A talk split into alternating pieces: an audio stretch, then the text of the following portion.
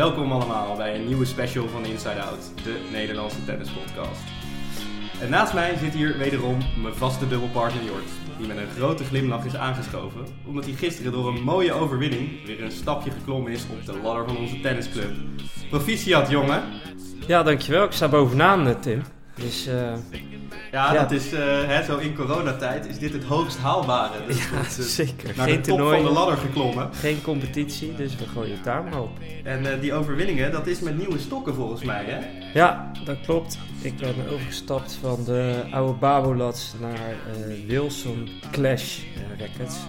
ja, het zijn echt super fijne rackets. Ik had het nooit echt op Wilsons, maar dit is gewoon top. Dus, Lekker. En uh, nou ja, dat is goed nieuws voor jou. Ik heb nog meer ontzettend goed nieuws. Want Marcella Mesker is afgelopen week begonnen met het volgen van ons Instagram-account. Ja, ik heb Dat is natuurlijk uh, wel echt een grote droom die eindelijk is uitgekomen. En uh, ja, wat ik me natuurlijk afvraag is of onze gast van vandaag dat eigenlijk wel heeft klaargespeeld. Of tussen een van die 50.000 Twitter-volgers of ze ertussen zitten. En ja, wie weet horen we het zo wel.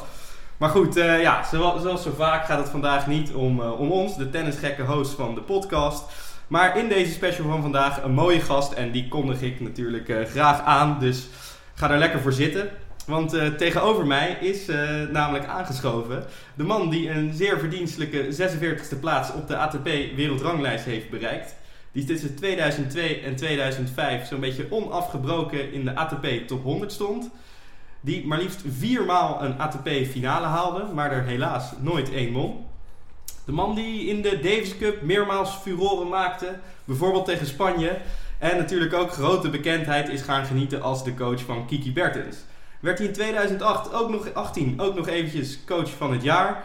En had hij nog een bedrijfje met een goede vriend van de show, John van Lottem, omtrent tennisclinics. En als laatste pakte hij ook nog wel eens een prijsje in het internationale pokercircuit. Dames en heren, Raymond Sluiter. Nou, we hoeven het nergens meer over te hebben. Hè? Je hebt eigenlijk alles al, uh, alles al doorgenomen. Dus een korte podcast uh, ja. dit keer. Dit was er weer. Ja, ja. hartstikke ja. goed. Bedankt. Nou ja, ik miste eigenlijk alleen nog een zeldzaam slechte uh, Head Shoulders reclame. Maar dan had je ook echt, dan had je echt alles gehad. Ah, weet je, je bent hier voor het eerst. Hè? Dus dan moeten we je nog een beetje sparen. Ja, dat snap ik. Maar spaar me, spaar me vooral niet. Wat sprong eruit voor je? Poeh, dat is, dat is lastig. Als je die dingen zegt, dan dan, dan gaat het bij mij in mijn hoofd eigenlijk meteen tussen uh, wat vond ik leuker, spelen of coachen. En ook daar kan ik eigenlijk geen antwoord uh, op geven. Het is echt niet zo dat ik, ja, dat ik spelen heel veel leuker vond dan coachen. Ik vond spelen echt waanzinnig en ik vond coachen ook echt waanzinnig. Dus heel moeilijk om daar iets uit te halen. Als ik het echt gewoon puur op mijn eigen carrière, eigen tenniscarrière gooi, dan is uh, nou ja, een van die finales was finale in Ahoy, uh, ABN AMRO toernooi.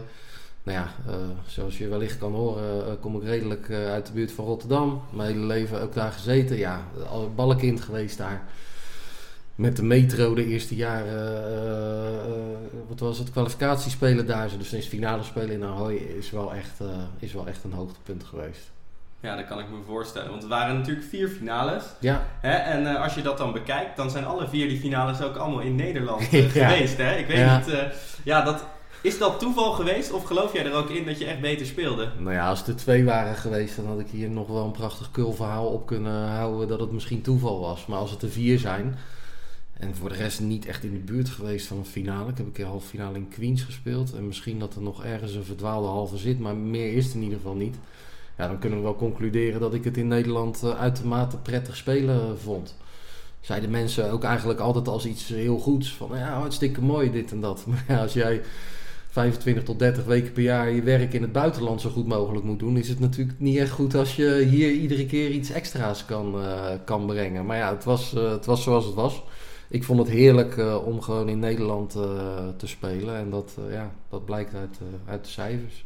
Want even voor de luisteraars, we hebben het over vier finales. Dat ja. begon begin jaren, zeg maar ja, net na het millennium. Ja. Dat was Amsterdam uit ja. mijn hoofd. Ja, volgens mij, ja, ik ben heel slecht in jaartallen, maar ik dacht dat dat 2001, 2001 was. Ja. 2001, dan had je er twee in één jaar op een gegeven moment. Ja, 2003 zal dan Rotterdam. Rotterdam en toen nog Amersfoort, Amersfoort volgens mij geweest zijn. Ja. En toen nog eh, één verdwaalde ergens in 2009, 2008. 2009, ja. denk ik, of zo.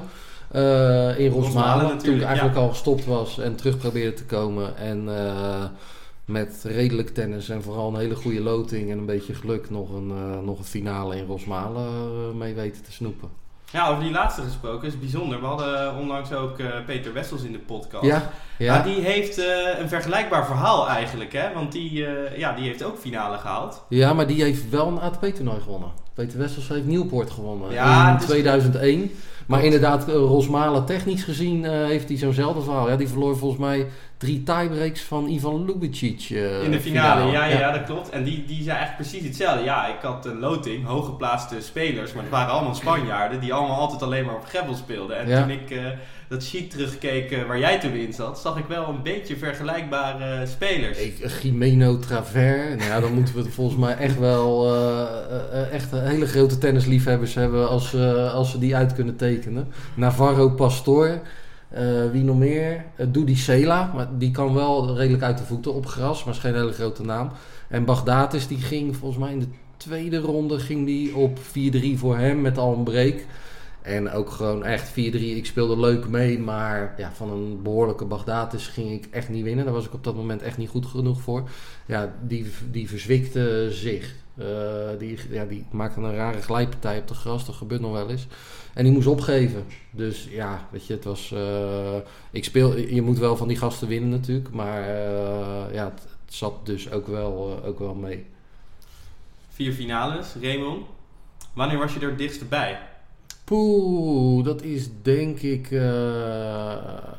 de finale in Ahoy in 2003. eh ABN AMRO was dus 3, 7, 6, of 7, 6 is 3 tegen Meerny. Heb ik één breakpoint gehad in zijn eerste service game. Acete die weg en voor de rest geen breakpoint gehad. Dus dat was niet echt een kans. Tegen Benjamin Becker ook niet in Rosmalen. Was 7, 5, 6, 3 was dat. Volgens mij was het tegen Massou in Amersfoort. Was het iets van 7, 6, 7, 6, 6, 2 of zo. 7, 6, 7, 6, 6, 4 voor hem. Uh, daar was ik echt ziek van, want uh, ik wist dat ik best of 5 van Nicolas Massou, nou ja, dat was voor de wat jongere luisteraars, dat was echt een hele taaie, taaie gravelrakker, die trouwens ook op, op hardcourt wel goed kon spelen. Maar die dag was het 32 graden en ik wist gewoon, ja, best of 5 tegen die gozer op gravel gaat hem niet worden. Maar ik wist ook dat het jaar daarna, dat het al best of 3 zou zijn. Weet je, een best of 3 win je natuurlijk toch sneller. Als je dan een setje hebt, ben je er nog maar een setje vandaan.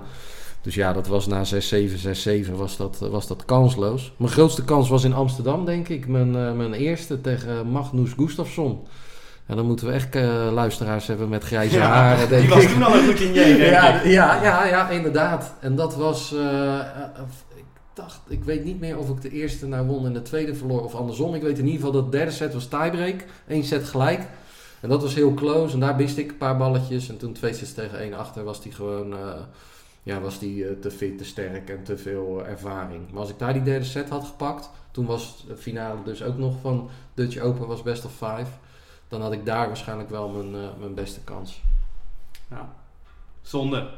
Maar, ja, ja, ja, ja, ja, ja, heel zonde. Ik zou uh, lachen drie finales inleveren voor, voor één winst. Kan ik me ook dat, uh, weet je, uh, ja, een ATP-toernooi winnen, oké, okay, een Grand Slam-toernooi winnen is natuurlijk gewoon uh, bij far het hoogste van het hoogste. Maar om daaronder op het hoogste niveau een keer met die beker omhoog gestaan te hebben, dat had wel waanzinnig geweest. Maar ik was niet goed genoeg. Wat ik interessant vind, ik wil nog even ATP Rotterdam 2003 inzoomen. Ja. dus dat, dat, was wel een beetje de, laten we zo zeggen, achteraf de piek van je carrière. Uh -huh. Rotterdam was natuurlijk altijd een beetje vroeg in het seizoen. Weet je nog wat je het, uh, de week daarvoor speelde? ATP ja. Rotterdam 2003. Ja, een week daarvoor speelde ik Marseille. Verloor ik 6 4 derde van, van Roger, van Federer. En de week daarvoor kreeg ik een gigantisch pak slaag van hem in de, in de Davis Cup. Ja, drie weken achter elkaar zo. Want hoe ging dat in uh, Marseille? Want dat was al wel, je had al wel volgens mij één of twee rondes gewonnen toen. Ja, ook, uh... volgens mij was het kwartfinale. Ik weet niet meer precies van wie ik gewonnen heb. Ik denk dat Thomas Enquist erbij zat. Dus ook weer voor de luisteraars met grijze haren. Maar uh, twee wedstrijden gespeeld. Nou, na zo'n Davis Cup week is iedereen over het algemeen redelijk naar, naar de kloten. Dus ik lag daar alleen maar op mijn bed en ik trainde een half uurtje. En nou ja, dat ging daar lekker. Ik speelde wel graag indoor.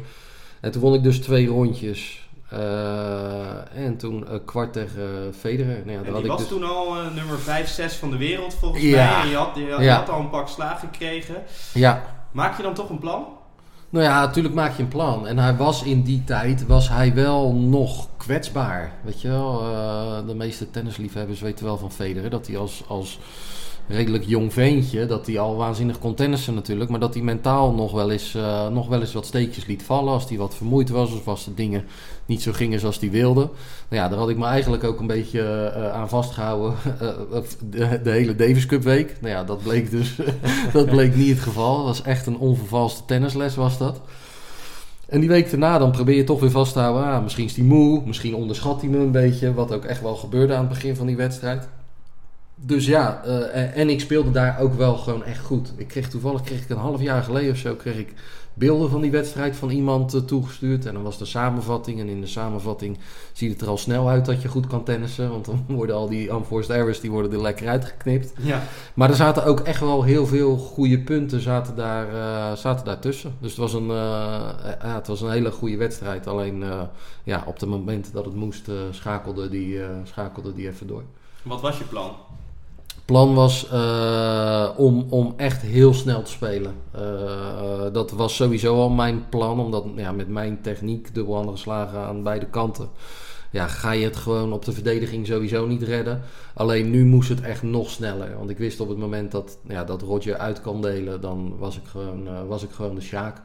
Dus het was nog iets risicovoller spelen en dat, eh, dan, ik, dan wat ik normaal al deed. En dat liep die dag, eh, dat liep die dag eh, behoorlijk goed. En wat bedoel je dan met risicovoller spelen en sneller spelen? Betekent het dan eh, dat je elke return probeert op te zoeken? Dat je Ja. elke bal die vanaf een meter voor de baseline probeer je op te zoeken en er achteraan Ja. te lopen? Ik Ja. probeer nog een beetje te begrijpen wat Klopt. jij bedoelt met Klopt. snel spelen. Ja, en dat kan ook inderdaad op verschillende manieren. Maar bij mij zat dat vooral in het heel snel wisselen van lijn. Dus niet met Roger in de, in de cross rally blijven zitten, ook al gaat het hard. Kan ook snel cross spelen natuurlijk. Eh, alleen degene zijn die echt als eerste opent. Eh, en, en dat ging toen echt, echt heel, erg, eh, ja, heel erg behoorlijk. En kans gehad? Of? Nou, niet echt, niet echt. Het was een spannende derde set, was het. Weet je, een setje van zo iemand winnen vind ik al niet echt. Ik won trouwens de tweede set ook, maar zelfs de eerste set zou winnen, heb ik niet zoiets van gewonnen. heb je meteen kans. Weet je wel, eh, moet je echt wel dichterbij komen in die tweede set. In die derde set tenniste ik gewoon hartstikke lekker mee, ging het gelijk op. Maar echt geen kans gehad. Het was meer dat hij af en toe volgens mij een breekpoontje had of een keertje 15-30 had ja, hij was wel gewoon de, de baas op de baan uiteindelijk. Ik was het alleen af en toe, eh, af en toe ook. Ben je toen ooit wel eens mentaal klaar geweest om van Roger Federer te winnen? Ja, want ik kon me daar wel, eh, ja, ik kon me daar wel op verheugen en al mijn energie in kwijt. Weet je, Eh, ik was in die tijd ook wel zo, zoals bijna iedere speler. Het werkt bijna bij niemand zo. Weet je, hoort natuurlijk heel vaak dat als je tegen een lager geclasseerde moet, dan heb je alles te verliezen. En eh, als je tegen een hoger ge- geclasseerde speler moet, heb je niks te verliezen. Ja, dat is natuurlijk bullshit. Later als coach heb ik alleen maar geprobeerd om al die onzin, om dat alleen maar eruit te gooien. En alleen maar met jezelf bezig te zijn, ongeacht wat de ranking is van de persoon tegenover je. Eh, maar ik kon hem altijd wel aardig losgooien tegen Roger. Roger was gewoon drie, vier klassen beter qua tennis. Dus dan houdt het gewoon op. Eh, ik ben niet eens in de buurt geweest om mentaal die wedstrijd te verliezen.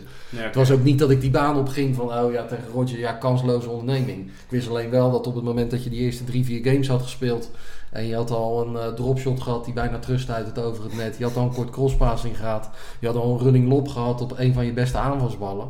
Dan wist ik wel van, ja, dit gaat wel weer een hele zware uh, dobbel worden. Ja, precies. Want je, je gaf ook aan, de week daarvoor de Davis Cup was je door hem geveegd. Ja. Kan je uitleggen hoe je geveegd wordt dan door Roger Federer? Nou ja, dat is dus echt een, dat ik daar vrij behoorlijk speelde op een snelle baan. Uh, daar hadden we dat, uh, dat jaar op Davis Cup, of het jaar daarvoor, uh, de twee jaar daarvoor moet ik zeggen, thuis ook op gespeeld. Echt een hele snelle indoorbaan. Ja, dat vind ik lekker. Eigenlijk waar we het net over hadden, dat je dan dus de eerste kan zijn die uitdeelt. Ja, helemaal op een grasbaan of een snelle indoorbaan dan is over het algemeen degene die als eerste uitdeelt, is, uh, is de winnaar van het punt als die het, als die het oké doet.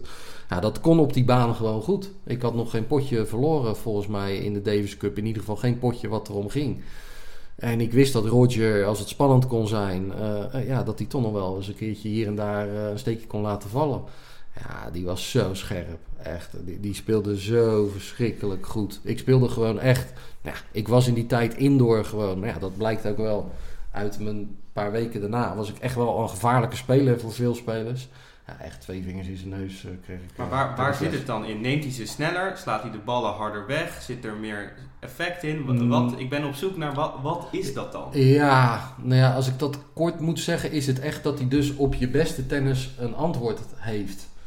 Weet je, uh, waar ik net zei dat ik goed van richting kan wisselen. Dat als je gewoon weet dat, dat je een kwaliteitsbal speelt cross met weinig hoek uh, en ik denk dat het herkenbaar is voor iedere speler. Dat je eigenlijk een stapje naar voren doet als je het spel een beetje aanvoelt. En denkt, hé, hey, nu ben ik, ik ga nu de baas zijn, de volgende bal.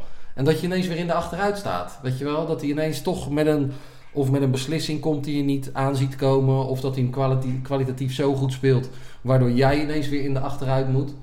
Dus eigenlijk gewoon op alles wat je doet, vooral ook op de goede dingen, dat hij daar een nog beter antwoord op, op heeft. En dat is, dat is natuurlijk gigantisch, echt, echt om moedeloos van te worden. En is dat dan zijn voetenwerk of zijn manier van inschatten van jouw bal? Of de, de, de manier waarop die door een hele goede bal door kan zwaaien? Nee, ja, het is, het is eigenlijk alles. Het is echt op het moment dat jij een goede bal aflevert, dat je, dat je er vervolgens niks mee kan. Dat je op je beste ballen, als je er niet achteraan komt en je blijft op de baseline, uh, dat je hooguit in een 50-50 situatie blijft. Terwijl je denkt dat je in 75, 25 of misschien wel nog meer voordeel eruit haalt. En dat op het moment dat je in 50-50 zit, dat hij altijd degene is die in één keer door kan schakelen. Uh, en dan zitten er dus ook bij hem, en dan moeten we ook wel eventjes van mij uitgaan. Ik had alleen dat spel. Het was niet dat ik zoiets kon doen van, nou oké, ik ga twee stappen naar achter doen en ik ga inderdaad kijken of je in die tijd nog even wat hoger op zijn backhand kan komen. Ja, want dat zit er met mijn slagen sowieso niet in. Nee, dus dan is je, je, je, je pakket is ook gewoon beperkt om, uh, om iets anders te gaan doen. Ja, en dan blijkt wel hoe, uh, ja, hoe, hoe makkelijk hij er dan eigenlijk uh, antwoord heeft op alles. En zo'n snelle baan is natuurlijk ook wel lekker voor hem. Ja. Ik bedoel, het is lekker voor jou, maar Federer staat natuurlijk ook wel bekend als iemand die op hele snelle banen goed uit de voeten kan. Dus, Precies. dus ja, als het dan bij hem loopt, nou dat weten we nu ook, dan Maakt niet uit of je Nadal heet uh, of uh, misschien Djokovic niet. Maar dan is het gewoon. Dan word je gewoon geveegd. Dan is het simpelweg een kwestie van kwaliteit, inderdaad. Ja. Maar, is, uh, is, hij, is hij de meest indrukwekkende speler waar je tegen hebt gespeeld? Of heb je, zeg maar, uit jouw ervaring was Parador Japan ook wel. Ja, die, was vooral indrukwekkend in het krachthonk. Als hij eventjes uh, koud uh, 125 kilo omhoog drukte. Wat een beest was dat, zegt die gozer. Aardige vent trouwens. nou, ik heb volgens mij ook vijf of zes keer tegen David Ferrer gespeeld. En daar won ik, dacht ik, de eerste set van dat we ooit tegen elkaar speelden. Toen stond hij 100 of zo. Maar dat vond ik ook echt een verschrikking om tegen te spelen. Omdat eigenlijk voor die tijd waren over het algemeen de, de Spaanse spelers en de Zuid-Amerikaanse spelers waren spelers waar je uh, op hardcourt of wat snellere banen, dat je ze echt pijn kon doen. Zaten natuurlijk allemaal, zaten ze over het algemeen wat dieper in die, in die greep. Ze hadden allemaal wat meer tijd nodig. Dan heb ik het over uh, Carlos Costa, Albert Corretja, Sergio Bruguera, dat soort spelers. En als je daar op een wat snellere baan tegen speelde, dan kon je daar gewoon echt goed tegen spelen. Ferrer was eigenlijk een van die eerste Spanjaarden. Ja, die gewoon op hardcourt net zo goed en misschien af en toe nog wel beter speelde. Die kon je gewoon op snelheid met, met directe ballen, diep op de baseline, kon je die eigenlijk niet naar achteren drukken. Die speelde dat tempo gewoon mee. Dus Ferrer vond ik ook echt een hel om tegen te spelen.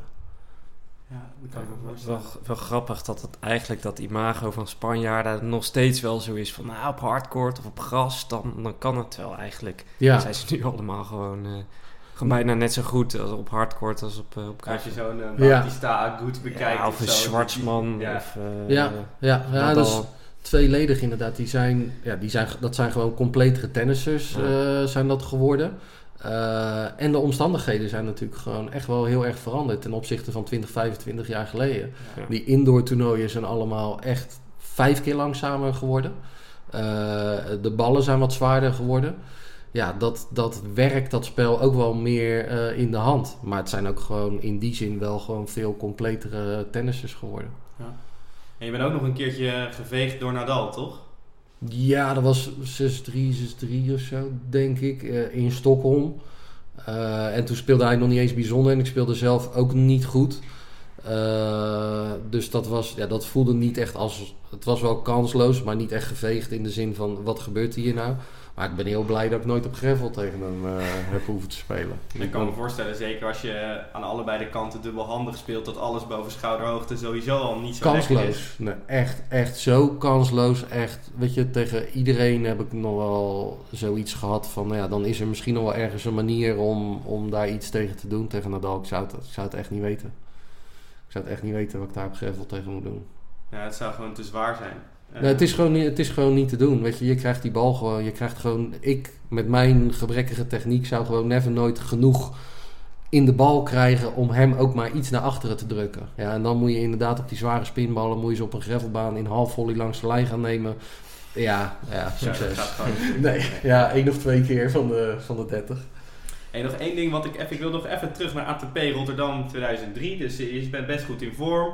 Marseille, kwartfinale, nou ja, Federer drie setjes, prima. Je gaat naar Rotterdam toe, eerste rondje tegen de man in vorm. Want het is 2003. Ja. Dat is eigenlijk ook wel het jaar voor Martin Verkerk. Ja, is natuurlijk helemaal het, eh, het jaar eigenlijk van, eh, van Martin Verkerk. Martin speelde.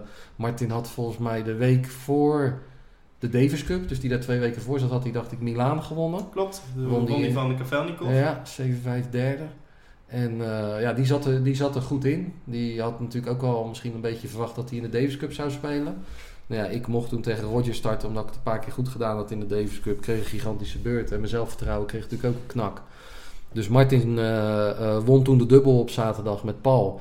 En die speelde toen op zondag tegen Kratochvil. Maar die ging door het ijs eh, in die wedstrijd. De druk werd hem even net iets te veel. En toen moest ik ineens eerste ronde Ahoy moest ik, eh, moest ik tegen, tegen Martin. Ja, dat Ken je was, hem goed? ja, wij trokken eh, constant met elkaar op. Onze coaches waren ook close met elkaar, Hugo Ecker en, en Nick Carr. Wij hebben voor die wedstrijd ook, als ik me goed herinner, samen ingespeeld. Echt waar? Dus we Ken je hem goed? Nou Zeg ja, qua, qua tennis. En qua- Ja, ja wij, speelden altijd, wij speelden altijd oefensetjes tegen elkaar. Wij, wij trokken in die tijd misschien te veel naar elkaar toe in de zin van... Nou ja, als ik het vergelijk met toen ik zelf eh, coach was van Kiki... dan wil ik graag, eh, wilde ik graag dat ze met veel verschillende speelsters speelden. Nou ja, Martin en ik vonden het gezellig en leuk met elkaar. En het was ook absoluut niet dat we alleen maar liepen te klooien in de training, hoor. Integendeel. Alleen ja, weet je, het is wel eh, steeds maar het comfort toch opzoeken. Ja. Eh, en dat deden wij te veel. Maar daardoor kenden we elkaar wel, eh, wel echt eh, waanzinnig goed. En dan is het eerste rondje Ahoy en dan wil je wel winnen. Ja, nee, tuurlijk. Tuurlijk, dat hadden wij sowieso. Dat we echt heel graag allemaal, met ook Peter Wessels die net vandaan kwam, dat we waanzinnig graag van elkaar wilden winnen. Een goede balans wel tussen het enerzijds gunnen, maar aan de andere kant het ook ja, het zelf gewoon willen. Ja, en het, is, het was natuurlijk toch een rare, rare wedstrijd, was het. Het was volgens mij 6-3 voor hem, 6-3 voor mij, of andersom, en toen 7-6 voor mij. eh, Ja. ja. twee dubbelfoutjes van hem geloof ik in de tiebreak en dat, eh, dat was het. Ik had wel in het gevoel dat ik de betere van het spel had. Alleen die gozer kon natuurlijk echt geweldig serveren. Eh, en ja, dat, dat was het eerste rondje. Geen matchpoints tegen. Nee, volgens mij ook niet eh, heel close op de rand van de afgrond geweest. Het, de derde set tiebreak is natuurlijk gewoon heel close. En het ging maar om één of twee puntjes. Maar niet de twee punten van de nederlaag geweest volgens mij of zo. Ja, ja. En Zo je- begon het. Ja. Je vertelt, eh, je trok heel veel met die gasten op. Na, na zo'n week eh, kan ik me ook voorstellen dat, dit, dat, dat je nog even bij elkaar eh, gaat kijken. Misschien met elkaar dubbelt. Eh, en als een toernooi afgelopen is, hoe ziet dat er dan uit? Ga je dan ook met z'n allen ontladen? Of, eh, of juist helemaal niet? Of eh, hoe moet ik dat zien? Ja dat, nou ja, dat wilde nog wel eens gebeuren als we, als we op een trip waren waarbij we weken achter elkaar weg waren. Dus als je drie of vier toernooien in Amerika speelde en je gaat sowieso niet naar huis. Dan gebeurde dat wel op vrijdag als we uit het toernooi lagen en, en het volgende toernooi begint maandag of dinsdag. Maar in het geval van toernooien in Europa gaat ieder gewoon zijn eigen, zijn eigen weg. Weet je, je gaat een paar dagen naar huis en je, je gaat je voorbereiden op het volgende toernooi. Of als je op donderdag eruit ligt en uh, je moet kwalificatie spelen op zaterdag, ja, dan ga je op vrijdag alweer van Madrid naar Rome of weet ik veel, uh, weet ik veel wat. Dus dat is enerzijds is het, is het heel close. Anderzijds ben je wel gewoon allemaal met je, met je, eigen, dingetje, met je eigen dingetje bezig.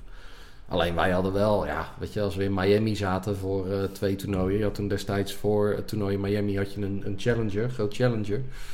Ja, dat was natuurlijk geweldig. Dan bleef je daar zo en dan ja, is het ook wel één of twee keer te gezellig geweest. Weet je, ja. Maar ja, wij, wij hebben er wel echt... Ik denk dat we er meer aan, uh, aan gehad hebben dan dat het ons gekost heeft. Omdat we toch allemaal over het algemeen wel redelijk sociaal waren. En als ik dan kijk hoe Robin Hazen het al die jaren gedaan heeft op de Tour. Uh, Timo de Bakker een paar jaar erbij geweest. Igor Sijsling één of twee jaar echt die grote toernooien erbij geweest. Maar over het algemeen heeft hij het als Nederlander wel alleen moeten doen.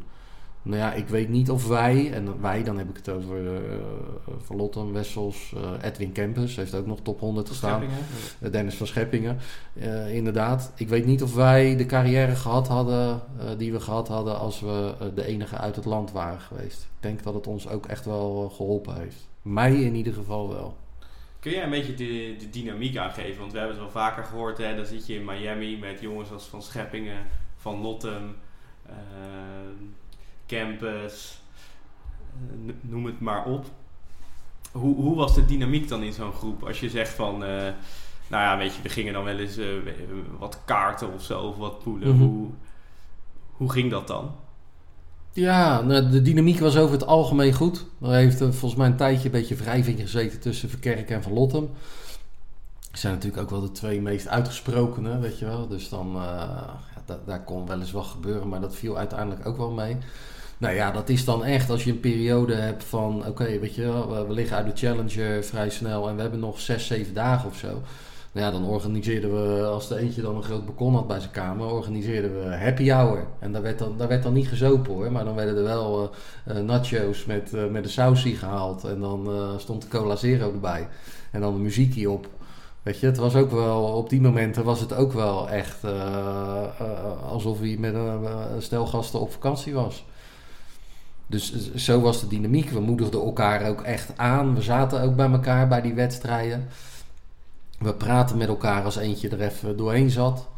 Echt gewoon, uh, ja, echt gewoon een waanzinnig fijne, fijne groep. Toen kwamen die verhalen kwamen wel eens voorbij. Ik zat, nou ja, ik zat een keertje in, in, in Dubai. Uh, daar was ik als coach met Kiki. En dan was Peter Wessels was daar toen twee dagen heen gekomen. Want die zat toen in Abu Dhabi. Uh, nou ja, dan komen er een paar van die verhalen voorbij. Ja, dan zag je Kiki echt kijken van, uh, uh, wat, wat, is dit allemaal? Wat, hebben jullie, wat hebben jullie het leuk gehad op tour? Weet je wel, ja, zo... Maar ja, vertel eens zo'n verhaal. Of, of is dat niet voor de podcastluisteraars bestemd? Nee, poeh, dan, dan moet ik eventjes kijken. En dan moet ik misschien sommige namen moeten, moeten we eventjes moeten we even blurren, maar... Nee, we hebben bijvoorbeeld wel. Uh, we hebben, ik heb bijvoorbeeld wel meegemaakt dat ik met een paar spelers wat ging drinken. En dat eentje er dan zei: Ik ga ook echt geen namen noemen omdat ik gewoon geen zin heb. Nee, hoeft ook niet. Uh, maar ik kan het verhaal wel vertellen dat wij nog wat gingen drinken, uh, drinken. En dat één speler zei: van nou ja, ik ben echt kapot, ik heb er echt geen zin in. En dan gingen we echt gewoon rustig eventjes wat drinken. Want het was echt. Weet je, was echt niet dat wij alleen maar lijp deden, uh, totaal niet zelfs. We hadden echt wel een redelijke balans daarin, alleen soms sloeg het even door. Dus dan gingen we even twee uurtjes ergens wat drinken. Nou ja, dan gingen we om negen uur daarheen en dan reden we om elf uur terug. En dat was dan in Miami en reden we op de terugweg naar, uh, naar het hotel. Langs een van de bekendste stripclubs in, in, in Miami en omstreken. Nou ja, dan zei de eentje, ja, nog één afzakketje daar zo dan. En dan, oké, nou ja, prima, wij belanden daar zo. En wie zag je daar zo zitten? Ja, die gozer die zei dat hij niet mee zou gaan, dat hij zo moe was. weet je wel? Oh ja, nou, ja dat, zijn, dat zijn mooie dingen. Weet je wel? Op het moment dat je dan iemand daar zo in het hoekje ziet zitten. ja, dat is, ja, dat, ja, dat soort dingen zijn natuurlijk echt... Uh, ja, dat zijn, uh, dat zijn mooie verhalen. Ja, dat is lekker. Dat vergeet je natuurlijk nooit. Nee, nee, nee, dat vergeet je zeker niet.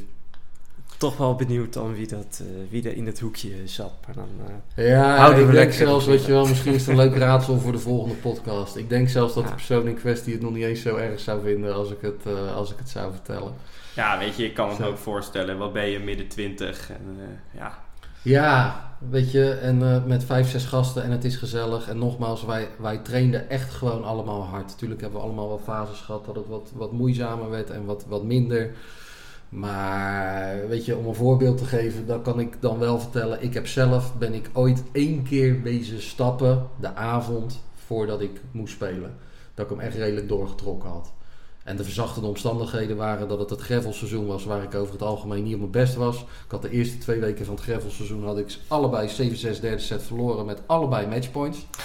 Toen moest ik de volgende, het volgende toernooi in Barcelona moest ik tegen eh, Mariano Zabaleta. Nou ja, dat was er ook zo eentje in die tijd die je liever niet op gravel tegenkwam.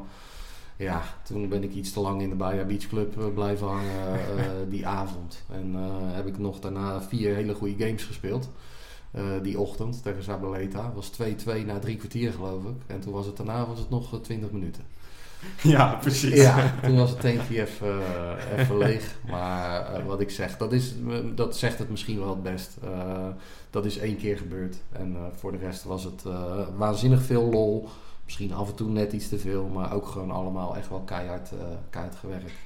En als je, als je vroeger hard trainde, waar moet ik dan aan denken in termen van uren en wat voor type trainingen deed je? Combineerde je toen al net zoals nu, fysiek ook met tennis op dezelfde manier? Ja, fysiek was wel anders in die tijd. Weet je, minder gespecialiseerd dan, eh, dan, dan dat het nu is. Sowieso ook qua voeding. Qua voeding was het natuurlijk heel anders. 25 jaar geleden liep je over het algemeen nog met het idee dat als je een bord pasta at, dat je, dat je goed bezig was. Dat dat het dan, eh, dat dat het dan was. Is dat niet zo dan, Raymond? Want eh, Nou, ik eh, overweeg ook nog wel vaak een bordje pasta te Nee, eten. maar dat- ik, nou, Dat kan natuurlijk prima zijn, maar je, je, je kan nog wel wat meer gebruiken. Oh, vertel. Aan, aan, aan goede stof. Weet je, Kiki eet bijvoorbeeld, oké, als het echt heel warm is, had zij heel veel pasta. Maar het zit vooral ook in de, in de groentes en de vitamines en de mineralen die ze, die ze genoeg binnen moet krijgen. Alleen in die tijd was dat, gewoon, eh, eh, was dat gewoon al anders. In het krachthonk was het ook gewoon anders. Nu is bijna iedere topspeler, is, eh, als die van 2 tot 4 traint, dan komt hij rond 1 uur, kwart voor 1, komt hij de fitness in. Weet je? Dan wordt het lichaam eerst losgemaakt door een, door een fysio of masseur. Vervolgens gaan ze wat core stability doen. Doen ze nog wat oefeningen met eigen gewicht, met die Dynabands en zo. Dan zijn ze eigenlijk echt een uur en een kwartier bezig voordat de tennistraining van twee uur gaat beginnen. Zo. dat deed je wel anders. Jij kwam wel gewoon de baan op, even mini en dan gaan we daarnaast kijken. Ik ging inlopen, ik ging een beetje rekken, ik deed hakbillen. Ja. ja, maar zo was het wel. En de een deed natuurlijk wel meer dan de ander. En je deed nog wel wat sprintjes links, rechts. Maar dat was dan wel je, je, je warming-up over het, over het algemeen. En je deed ook wel een cooling down. Maar nu zijn de meeste topspelers zijn ook een uur bezig met een, eh, met een cooling down. Of nou ja, drie kwartier en dan, heb ik, dan reken ik de massage nog niet eens mee. Ja, dat was toen ook anders. Dan ging iedereen even op het fietsje zitten. Je ging misschien nog een beetje stretchen. Maar dat, dat was het eigenlijk wel. Dan stapte je al onder de douche. Dus ik trainde, ja, weet je, ik trainde eh, vier uur tennis per dag. Als ik echt in een trainingsperiode bezig was. En anderhalf uur eh, conditietraining. Dat was, eh, dat was over het algemeen zes dagen in de week dan. En dan één dagje rust. Ja, ja, dat klinkt als veel. Nou ja, dat, dat was wel gewoon de maatstaf. En dat was eh, behoorlijk wat. En dat, eh, ja, daar hield ik me ook netjes aan. Eh, ja. Hey, en nee, je, je- op een gegeven moment ben je gestopt, toen toch ook weer teruggekomen. Ehm, wanneer was nou voor jou het moment dat je dacht, maar nu stop ik echt? Of hoe, je carrière was goed, wat gebeurde er dat je dacht, ik denk dat het misschien wel genoeg is voor me? Ja, ja het is eh, moeilijk. eh was sowieso een moeilijke tijd. En ook moeilijk om daar echt wel eh, heel duidelijk voor mezelf in te zijn. Omdat ik zelf eigenlijk niet meer zo goed weet hoe ik eraan toe was. Ja. Ik was 28 en toen, nou ja, mijn carrière was eigenlijk vanaf mijn eh 23e, 24e, vanaf 2003 was het een beetje een, een langzame glijdende schaal naar beneden. Eh, op mijn 28 had ik echt zoiets van, ik ga dingen anders doen. Ik wil het echt nog één keer professioneel goed aanpakken. Eh, en er echt nog een jaar of twee vol voor gaan en kijken of ik nog dingen kon bereiken die ik nog niet eh, bereikt had. Toen kregen wij twee weken later te horen dat het, het dochtertje van mijn broer en zijn vrouw een, een, tumor in haar hersenstam had. ongeneeslijk, mini, of ja, waarschijnlijk nog een jaar te leven. Ja, dat gooit die hele wereld gewoon ondersteboven. Toen heb ik nog een paar maanden doorgespeeld. Maar ja, dat feit gecombineerd met het feit dat mijn carrière in ieder geval naar beneden ging, ja, had ik zoiets van ja, dan trek ik ook gewoon de stekker eruit om bij mijn familie te zijn. Toen heb ik afscheid in Ahoy gehad. Ja. Uh, nou ja, vier maanden, vijf maanden later in juli uh, is zij toen overleden nou ja, aardig van het padje geweest daarna. Uh, en, en toen ik de boel weer een beetje bij elkaar, een beetje bij elkaar geraapt had in mijn hoofd, uh, besloot ik uiteindelijk aan het einde van dat jaar om een comeback proberen te maken. Uh, maar dat is volgens mij terugkijkend alleen maar op basis geweest van dat ik heimwee had naar de tijd dat alles nog goed was. Dat zij er nog was, dat ik lekker kon tennissen. En de tennisbaan was ook wel de enige plek dat ik, dat ik daar niet aan dacht. Dat ik wel met tennis bezig was. Alleen ik was ondertussen was ik 12 kilo zwaarder geworden. En ik was de laatste jaren van mijn carrière ook al niet de aller, allerfitste. Dus er moest veel gedaan worden. Ik heb toen best, ik heb toen echt wel heel hard gewerkt.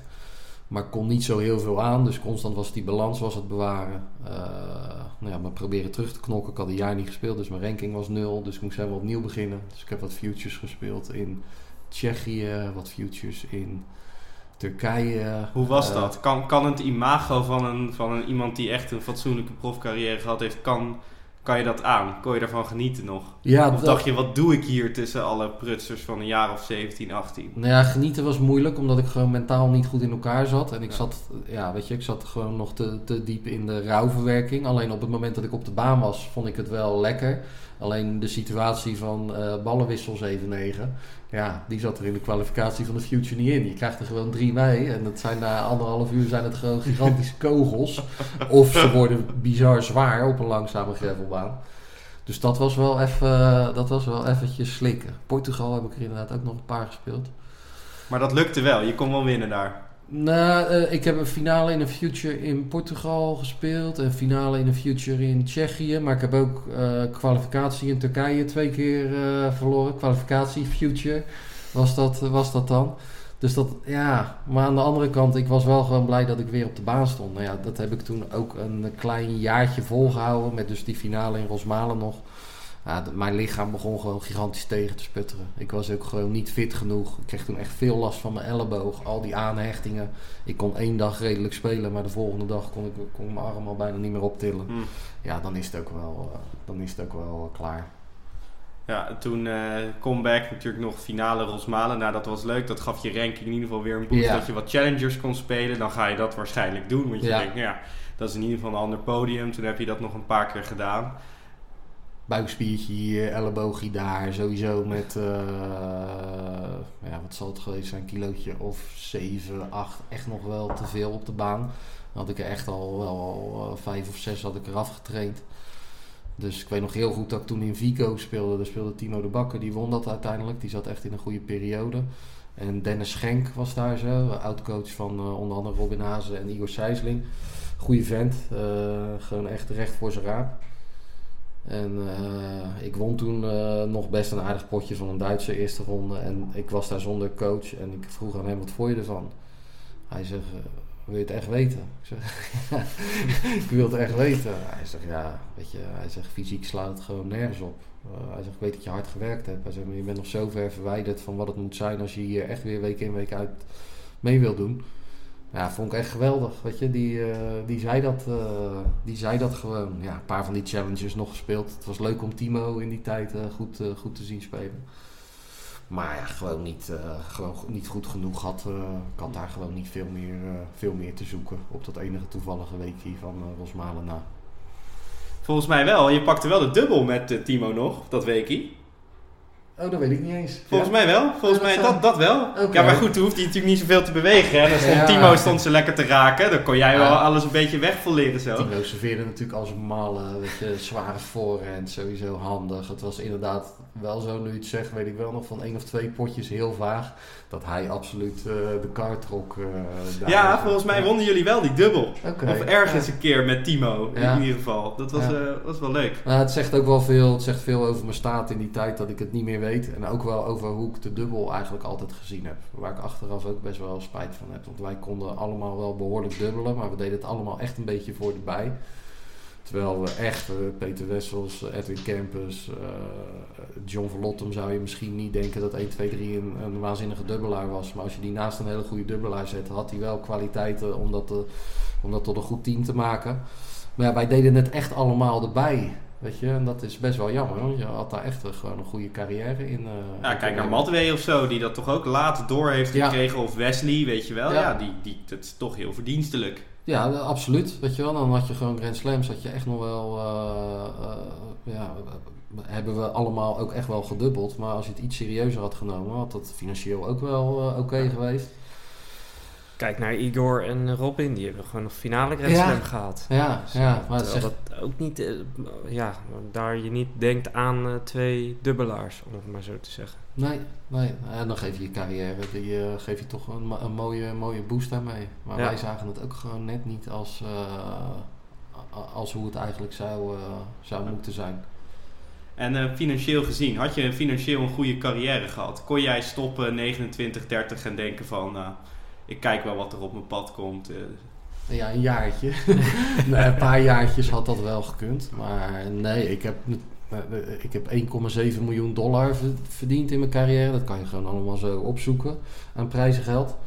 Eh, ik had hier en daar wel wat contractjes, maar niet mega groot. Dan moet je echt denken aan contracten van één, misschien in mijn goede jaren misschien twee van 25.000 euro per jaar voor een badge of zo op je shirt.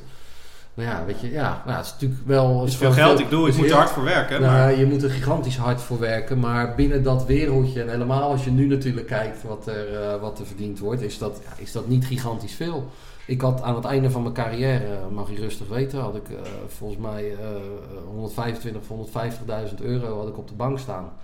Ehm, en, en dat was de over. Nou ja, dat is natuurlijk waanzinnig lekker en fijn. En ik heb een gouden tijd gehad die onbetaalbaar is. Tuurlijk. Maar ja, dat is dus niet dat je de rest van je leven nooit meer eh, hoeft te werken. Nee, valt een beetje tegen eigenlijk, Raymond, als ik Ja. het zo hoor. Ja, ja maar daarom Ja, heb iets, ik die, iets minder eh, glamorous dan daar- gedacht. Daarom heb ik die shampoo reclame. Ja, ik wilde daar net nog even op terugkomen, want Head. Shoulders betaalt wel goed, toch? Nou ja, dan, eh, ja, nou ja, daar moest ik een aantal jaar eh, onderaan de streep moest ik daar eh, goed voor tennissen. Maar ik heb gewoon over het algemeen, heb ik bijna al mijn jaren, heb ik één op één met een coach gewerkt. Weet je wel, ja, ga een salaris van iemand het hele jaar door betalen. Ga zijn onkosten betalen, want die worden niet, die worden niet betaald door het toernooi. Ja, weet je, dan, dan kan je in mijn beste seizoen verdiende ik geloof ik 400.000 euro. Maar onderaan de streep, als je gewoon netjes in Nederland blijft wonen, belasting betaalt en vervolgens gaan de kosten van de coach eraf, waarbij je waarschijnlijk ook zeker wel tussen 75.000 en 100.000 euro zit, ja, dan blijft er gewoon onderaan de streep blijft er, eh, ja, blijft er niet zo heel veel over. Maar 75 tot 100k, dat, eh, dat krijgt niet de coach van Kiki Bertens, toch? Wat zeg je? Zeg maar, dat is toch... Nou ja, ik denk, ik denk als je eh, er met Kiki, eh, eh, dan zouden we de situatie natuurlijk een beetje uiteen moeten zetten. Want toen ik met Kiki begon, stond ze 110 van de, van de wereld. Precies, ja. En Toen was, betaalde, toen betaalde jij haar. Nou, zo was het ook weer niet. En eh, eh, zij, heeft mij altijd eh, prima betaald. Maar het was ook zo dat wij de eerste vier maanden van onze samenwerking, niet de eerste vier maanden, omdat we de eerste drie maanden hebben we samengewerkt. Maar daarna hebben we vier maanden met Richel Hoogkamp ook nog erbij gewerkt. Ja, gewoon simpelweg omdat het anders niet, niet, niet te betalen is. Eh, alleen ja, als je dan vervolgens halve finale Roland Garros speelt en je, je pakt eh, een half miljoen, ja, dan staat ineens je financiële situatie er wel heel anders voor. Ja. En als je dan op een gegeven moment met een top 10 speelster werkt, ja, dan, dan eh, ja, lijkt het me wel meer dan logisch. Zeker als je een aandeel ook wel daarin hebt gehad, in die weg daar naartoe, dat je daar ook uh, dan voor betaald wordt. Ja, natuurlijk, absoluut. Yes, luisteraars, dat was deel 1 van de Raymond Sluiter tapes, waarin hij natuurlijk 100 uit vertelt over zijn eigen carrière. Maar we konden ons ook voorstellen dat jullie geïnteresseerd zijn in het coachleven van Raymond Sluiter. Hoe hij zijn tijd met Kiki heeft beleefd. Luister daarom volgende week naar deel 2 met dat onderwerp. Mocht je hier bericht van willen krijgen, abonneer je dan zeker even op iTunes, de Apple Podcast app, Spotify of een andere willekeurige podcast app, zodat je direct op de hoogte gehouden wordt wanneer deel 2 online staat.